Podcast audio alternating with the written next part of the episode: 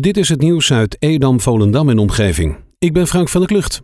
In de Raadhuisstraat in Oosthuizen zijn gistermiddag twee personen gewond geraakt bij een botsing tussen een auto en een scooter. Op hetzelfde moment dat de automobilist een parkeervak in wilde rijden, was de bestuurder van de scooter van plan de auto in te halen. Hierbij klapte de scooter tegen de auto aan. Beide bestuurders zijn met letsel overgebracht naar het ziekenhuis. Zowel de auto als scooter waren flink beschadigd.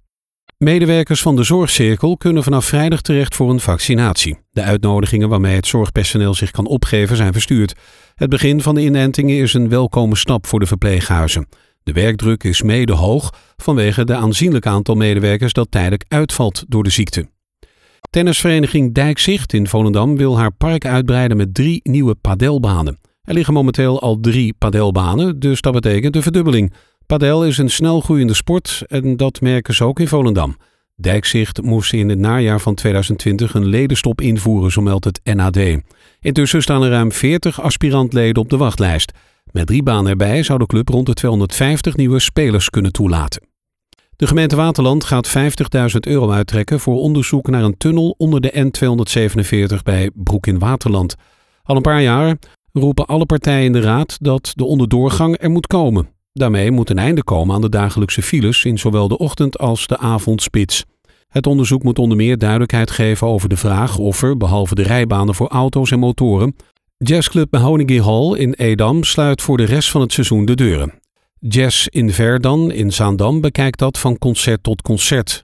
Maar in Edam is alles van de kalender geschrapt. De beslissing om tot oktober de tent te sluiten is unaniem door het bestuur genomen. Dat zegt Koos Roskam. Het aantal coronabesmettingen in de regio Zaanstreek-Waterland is de afgelopen 24 uur flink gedaald ten opzichte van een dag eerder. Er werden slechts 35 nieuwe gevallen geregistreerd en dat is ruim de helft minder dan de 79 coronabesmettingen die zondag binnenkwamen. Een oorzaak van de daling wordt door het RIVM niet gegeven. Ook elders in het land werden minder coronagevallen gemeld dan de afgelopen dagen. In Edam-Volendam kwamen er vijf besmettingen bij. Momenteel vinden er werkzaamheden plaats aan de oosteinde 27 tot en met 36 in Oosthuizen. De weg is hierdoor tijdelijk afgesloten voor gemotoriseerd verkeer. Voor doorgaand verkeer zijn er omleidingsborden geplaatst. Fietsers en voetgangers kunnen wel passeren.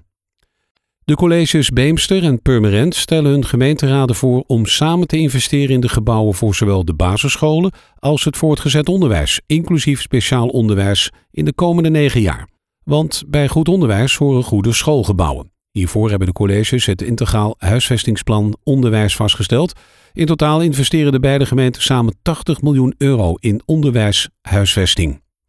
Tot voor kort was de Marken Mannenochtend op 26 juni uitverkocht, maar in samenspraak met de Marker Evenementenstichting zijn er extra kaarten beschikbaar gekomen. Het percentage van de groepen mannen tot de leeftijd van 40 jaar is behoorlijk. Ook zou het fantastisch zijn om 40-plussers hieraan toe te voegen. De teller staat momenteel op 164 aanmeldingen, dus er is nog plek voor 36 personen. De Marker Mannenochtend is toegankelijk voor mannen van 18 jaar en ouder. En kijk even op de website voor meer informatie. Tot zover het nieuws uit Edam, Volendam en omgeving. Meer lokaal nieuws vindt u op de Love Kabelkrant, onze website of in de app.